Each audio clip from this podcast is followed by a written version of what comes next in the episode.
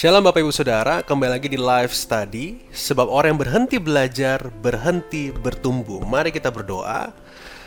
Bapak yang baik, terima kasih buat kesempatan hari ini kami boleh kembali belajar firman-Mu.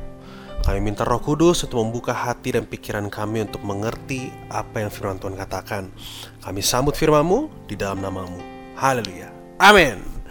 Bapak Ibu Saudara, sudah sudah cepat sekali rasanya waktu berjalan sampai kita bertemu di ujung akhir tahun 2023. Dan pada kesempatan kali ini saya mau membagikan kebenaran firman Tuhan tentang Injil.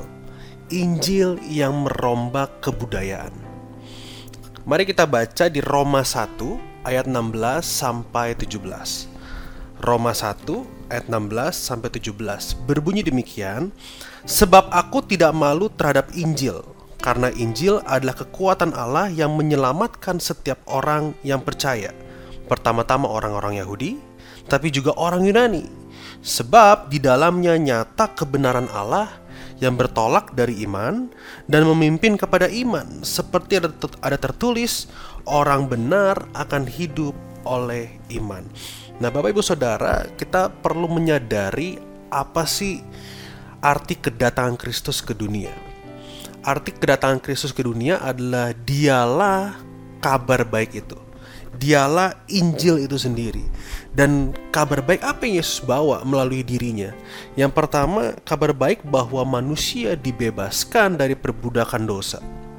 Dengan kematian Yesus di kayu salib, setiap umat manusia dibebaskan dari perbudakan. Itu sebuah kabar baik yang luar biasa. Kabar baik yang kedua adalah setelah Yesus mati di kayu salib, ia memperoleh kebangkitan. Sehingga hal ini menjadi kabar baik bagi mereka yang percaya kepada Yesus. Sebab mereka yang percaya kepada Yesus akan memiliki kebangkitan dan kehidupan setelah kematian. Itu sebuah kabar baik bagi kita semua ada kebangkitan, ada kehidupan. Dan ini bukanlah sebuah cerita atau dongeng atau atau semacam gosip belaka. Ini sebuah fakta sejarah yang terjadi. Makanya kekristenan itu adalah kekristenan agama historis. Itu sebuah sebuah perjalanan iman yang historis bagaimana Kristus turun ke dunia membawa kabar baik yaitu dirinya sendiri untuk menyelamatkan umat berdosa dan membangkitkan mereka. Ada kehidupan di balik di balik kubur. Dan Yesus menjanjikan hal itu dan ini sebuah kabar baik. Nah, memang pada zaman itu Injil ini cerita tentang kehidupan, kematian dan kebangkitan Yesus ada beberapa orang yang menganggap itu sebagai aib bagi orang-orang kekristenan sebuah aib bagi umat atau murid-murid Yesus pada zaman itu. Mereka menganggap bahwa cerita ini, Injil ini adalah sebuah kebodohan. Sebab mereka berpikir tidak mungkin Tuhan yang yang yang mereka katakan Yesus adalah Tuhan itu mati di kayu salib dengan cara terhina. Tidak mungkin. Maka mereka berkata ini sebuah aib bagi kekristenan. Tetapi kalau kita melihat apa yang Paulus katakan, Paulus mengatakan dengan jelas, "Aku tidak malu terhadap Injil. Aku tidak malu terhadap Injil." Walaupun banyak orang mengatakan bahwa Injil sebagai suatu kebodohan pada zaman itu, sebuah aib, tapi Paulus berkata, "Aku tidak malu terhadap Injil." Mengapa mengapa Paulus tidak malu terhadap Injil? Karena Injil adalah kekuatan Allah yang menyelamatkan setiap orang percaya. Jadi kalau tadi kita baca itu jelas banget bahwa Injil kekuatan Allah yang menyelamatkan setiap orang percaya. Dan Paulus berkata, "Aku tidak malu terhadap Injil ini." Pernyataan ini keluar dari mana? Dari ex atau mantan pembantai umat Kristen. Paulus itu sendiri. Dia tidak malu terhadap Injil. Nah, sebagai orang percaya, Bapak Ibu Saudara, kita juga harusnya demikian. Kita tidak malu terhadap Injil ini. Karena di dalamnya ada kuasa yang mampu menyelamatkan setiap orang tanpa terkecuali. Kalau saya baca ulang Injil adalah kekuatan Allah yang menyelamatkan setiap orang percaya, Yahudi maupun orang Yunani. Ini ini menandakan bahwa apa? Injil untuk semua orang, untuk keselamatan semua orang. Nah, saya mau coba kita masuk sedikit, meneropong sedikit apa yang dimaksud dengan pertama-tama orang Yahudi, lalu yang kedua orang Yunani. Nah, pada zaman itu orang-orang Yahudi memang merasa dirinya itu adalah spesial. Mereka itu adalah umat Allah.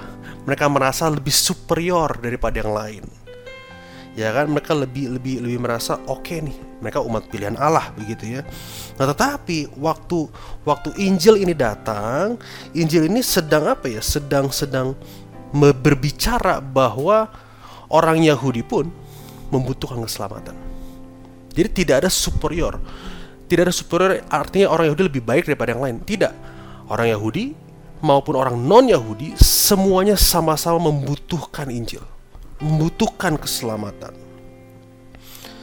Jadi tidak ada lagi perbedaan mana yang lebih superior, sebab setiap orang membutuhkan kabar baik. Dan hendaknya kita tidak menjadi malu atau berkata abu-abu mengenai kebenaran Injil ini. Jelas Injil kuasa yang menyelamatkan semua orang. Nah sedikit cerita Bapak Ibu, saya dan sahabat saya pernah berdiskusi suatu saat berdiskusi tentang tentang bagaimana sih uh, kebenaran ini dapat menjawab uh, kebutuhan zaman. Tapi kalau kebenaran ini atau Injil ini bisa menjawab kebutuhan zaman, jangan sampai juga Injil jadi tercoreng atau ternodai. Artinya apa? Artinya bisa menjawab kebutuhan zaman, tapi kita malah mengalahkan esensi dari kebenaran itu sendiri. Karena sering kali kebenaran digunakan untuk menjawab kebutuhan zaman, tapi mengalahkan hal-hal esensi yang yang justru itu menjadi sebuah pusat dari pemberitaan Injil. Nah, itu yang bahaya Bapak Ibu. Nah, jangan sampai kita demikian. Nah, jadi saya berdiskusi dengan sahabat saya tentang hal ini. Gimana sih kebenaran bisa menjawab kebutuhan zaman tapi tanpa tanpa menodai atau mendegradasi uh, esensi dari kebenaran itu. Nah, misalnya bagaimana cara firman Tuhan atau kebenaran menjawab LGBT? Bagaimana kebenaran firman Tuhan menjawab tentang kalau hari ini di kalangan anak muda uh, terkenal dengan rokok rokok elektrik atau vape gitu ya. Bagaimana kebenaran Injil menjawab perkembangan zaman ini? Bagaimana lagi dengan perkembangan zaman AI yang sedang berjalan hari ini? Bagaimana firman Tuhan, Injil ini menjawab kebutuhan itu? Belum lagi kalau kita meneropong ke daerah-daerah, bagaimana kebenaran firman Tuhan menjawab kebutuhan daerah-daerah yang masih percaya dengan tradisi-tradisi yang lama, kepercayaan nenek moyang, dan lain sebagainya. Nah, bagaimana untuk kita bisa menjawab kebutuhan itu, tapi tanpa menodai kebenaran? Nah, singkat cerita, diskusi kami mengarah kepada satu kesimpulan bahwa kebenaran atau Injil itu pasti sifatnya akan akan bisa menjawab kebutuhan, tetapi juga ini ini yang ini yang penting banget ini harus kita garis bawahi. Injil dan kebenaran itu juga merombak sebuah kebudayaan.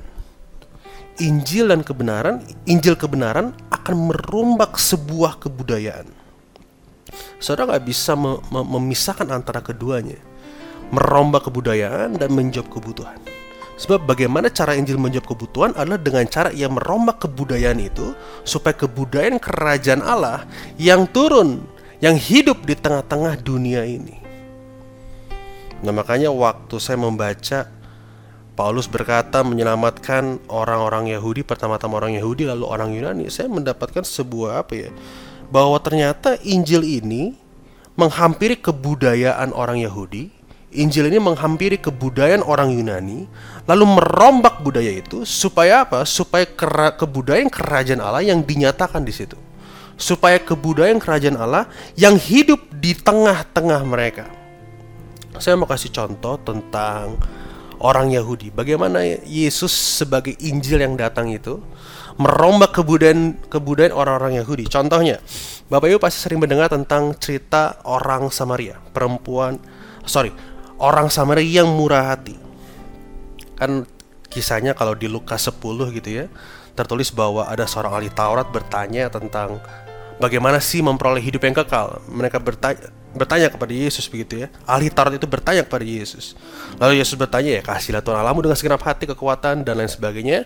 Lalu kasihilah sesamamu manusia seperti dirimu sendiri.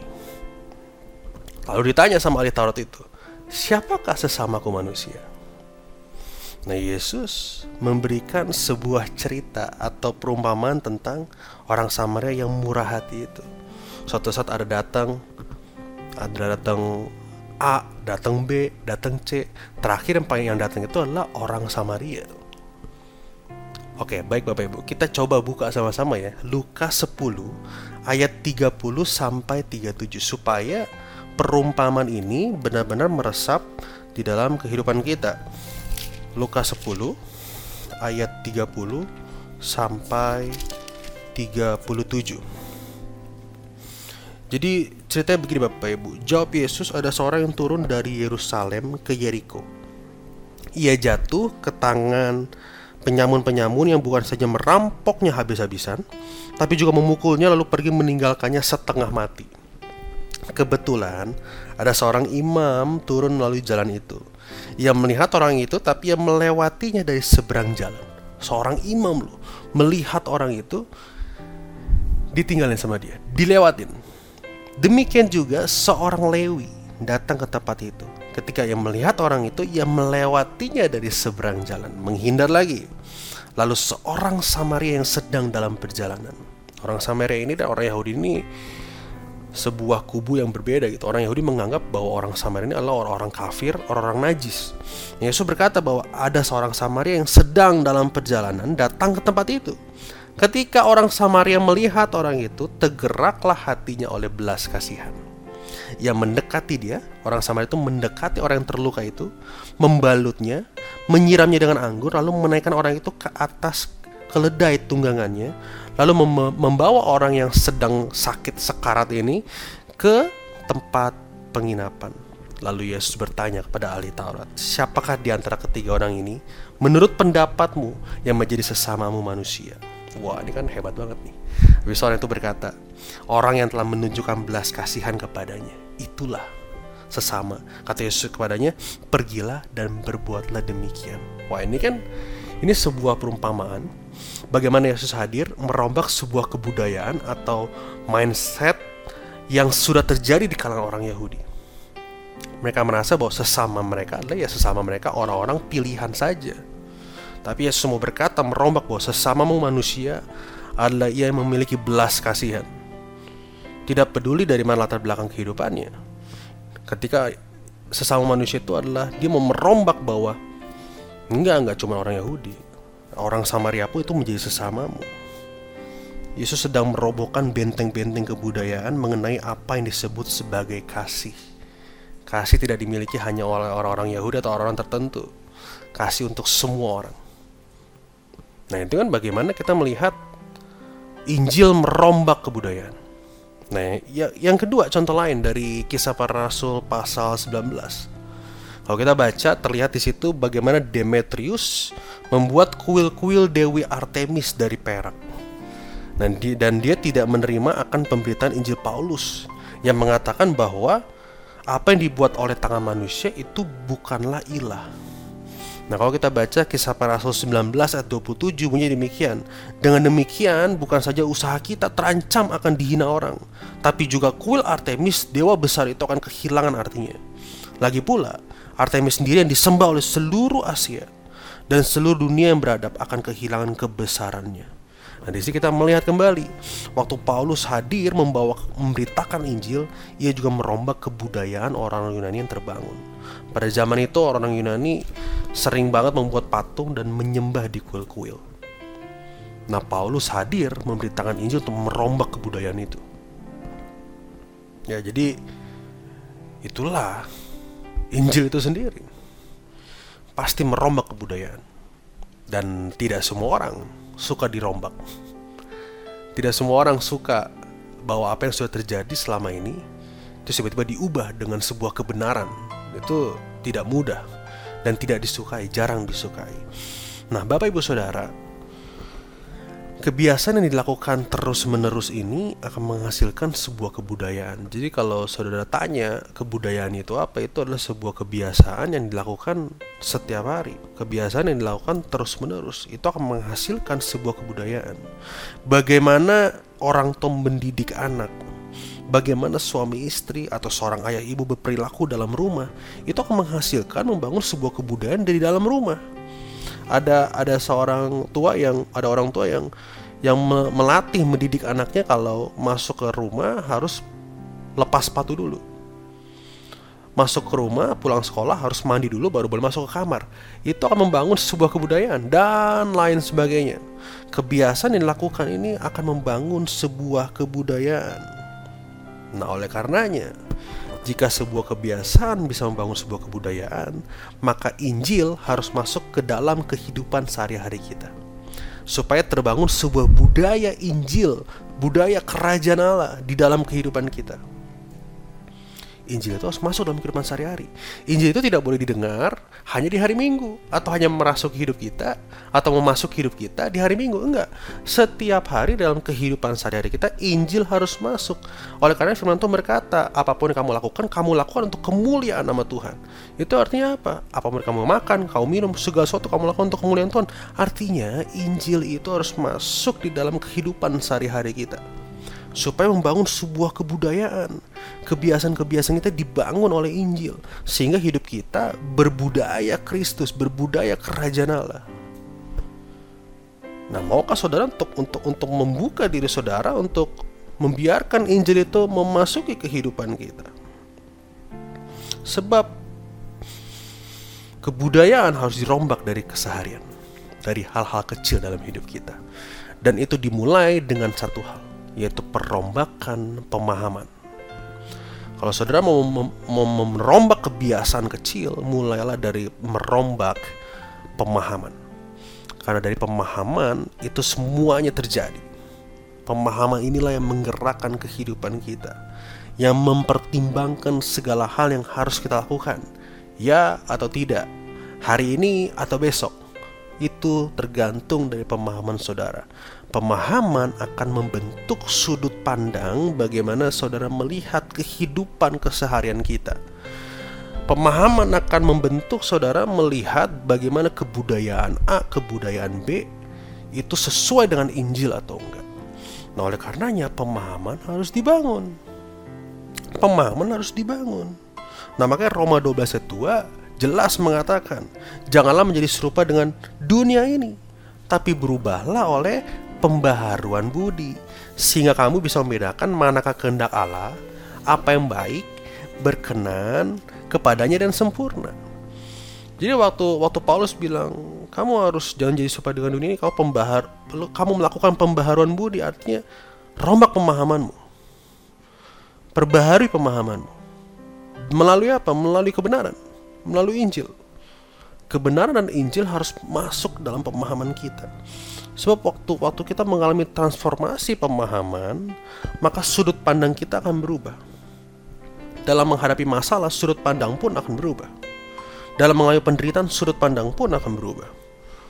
Paul David Tripp berkata bahwa orang itu menderita bukan hanya karena penderitaan itu sendiri, bukan karena situasinya, tapi orang juga menderita karena bagaimana dia memandang penderitaan itu ada orang yang menderita lalu dia memandang penderitaan itu sebagai suatu hal yang dengan ucapan syukur dengan dengan suatu hal yang bahwa ini sebuah ujian orang itu akan lebih tabah menghadapi penderitaan. Tapi ada orang yang melihat penderitaan sebagai suatu musibah sebagai suatu hal yang aduh harusnya aku tidak mengalami ini. Terus dibandingkan dengan situasi orang lain ya dia akan makin letih jiwanya. Jadi sudut pandang itu berpengaruh. Nah transformasi pemahaman Injil yang memasuki pemahaman ini akan merombak bagaimana cara kita melihat. Sudut pandang kita sebagai seorang ayah itu juga akan diubah dengan pemahaman Injil. Sudut pandang kita sebagai seorang ibu itu juga akan diubah dari sudut pandang Injil. Sudut pandang kita sebagai pekerja, sebagai bisnismen, sebagai pelayan Tuhan akan mengalami transformasi perbuda, uh, transformasi pikiran, perubahan, pembaruan budi karena Injil itu yang kita pelajari. Dan saya percaya bahwa Injil tidak berhenti mentransformasi pemahaman saja. Injil itu juga sampai mentransformasi hati dan jiwa kita. Mungkin kalau saudara mendengar motivator-motivator berkata, itu bisa mengubah pemikiran saudara, mindset saudara, dan bisa mengubah tingkah laku saudara. Tetapi, saudara, firman Tuhan itu lebih daripada motivator. Firman Tuhan itu mengubah sampai kedalaman hati kita. Dia tidak hanya mengubah pemikiran dan dan tingkah laku kita, dia mengubah sampai kedalaman hati kita. Motivasi kita pun diubah. Saudara, kalau kalau saudara melihat atau saudara sendiri di waktu di, di, di dalam perjalanan ada lampu merah, saudara berhenti. Ada dua kemungkinan kenapa saudara berhenti. Yang pertama adalah karena saudara melihat ada polisi di situ. Tapi yang kedua, saudara berhenti karena saudara taat akan peraturan rambu-rambu lalu lintas. Nah, ini kan dua hal yang berbeda, saudara. Sama-sama berhenti sih, tapi dua halnya berbeda. Nah, firman Tuhan akan masuk pada motivasi ini, dia akan merombak motivasi ini. Dan supaya motivasi kita itu benar, nggak ada terselubung. Nah, maka transformasi yang ditawarkan Injil itu nggak cuma pemahaman, tapi juga sampai kedalaman hati kita. Sampai motivasi terdalam kita. Kalau kita ngelakuin A, motivasinya apa? Ngelakuin B, motivasinya apa?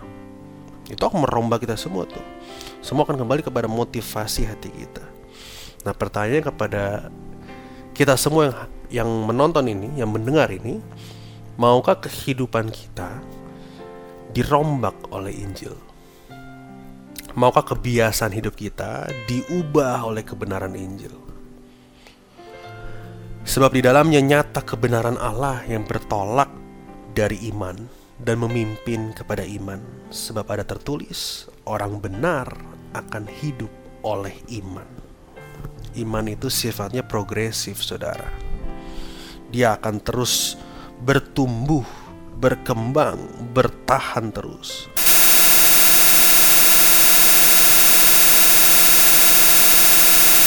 maupun di pertengahan perkembangan kehidupan saudara, iman itu segala-galanya. Jadi memang kita perlu menumbuh kembangkan iman. Kenapa saya bilang iman itu segala-galanya? Karena kekristenan menjadikan Kristus sebagai pusat kehidupannya. Dan itulah iman kita. Iman segala-galanya, Kristus jadi pusat kehidupan kita. Jadi memang kita perlu menumbuh kembangkan iman setiap hari.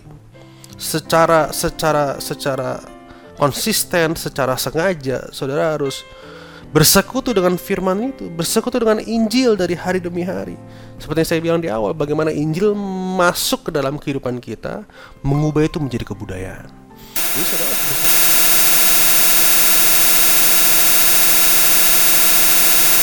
Tuhan sampaikan apa yang Tuhan ajarkan dalam kehidupan kita.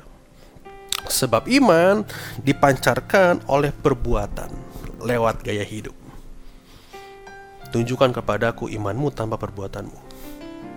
Gitu kan itu kan kalimat yang sering kita dengar. Jadi jelas bahwa iman itu harus dipelajari dan akan ditunjukkan melalui perbuatan kita.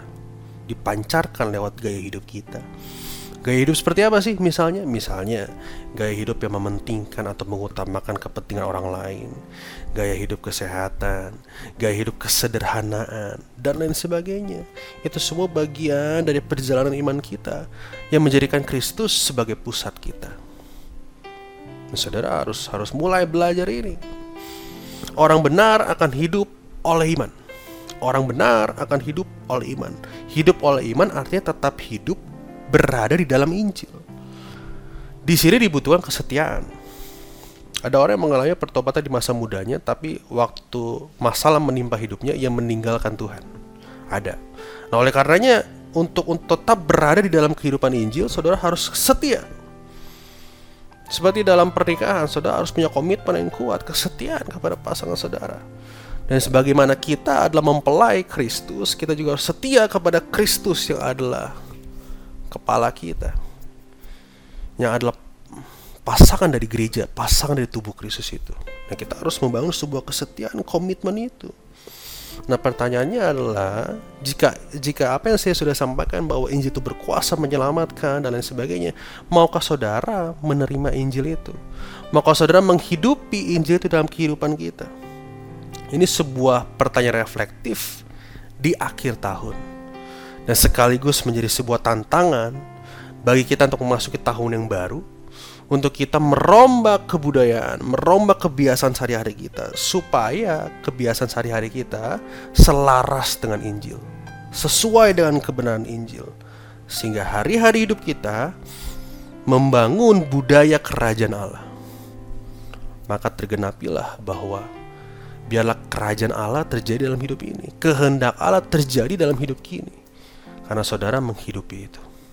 Karena saudara merombak kebiasaan-kebiasaan saudara kenyamanan zona nyaman kebudayaan saudara, kebudayaan keluarga, kebudayaan pribadi. Rombak semua supaya Injil yang dinyatakan. Saya berdoa supaya tahun ini, tahun di masa yang akan datang juga, saudara bisa mengalami perubahan hidup dan kabar baik itu benar-benar nyata dalam hidup kita.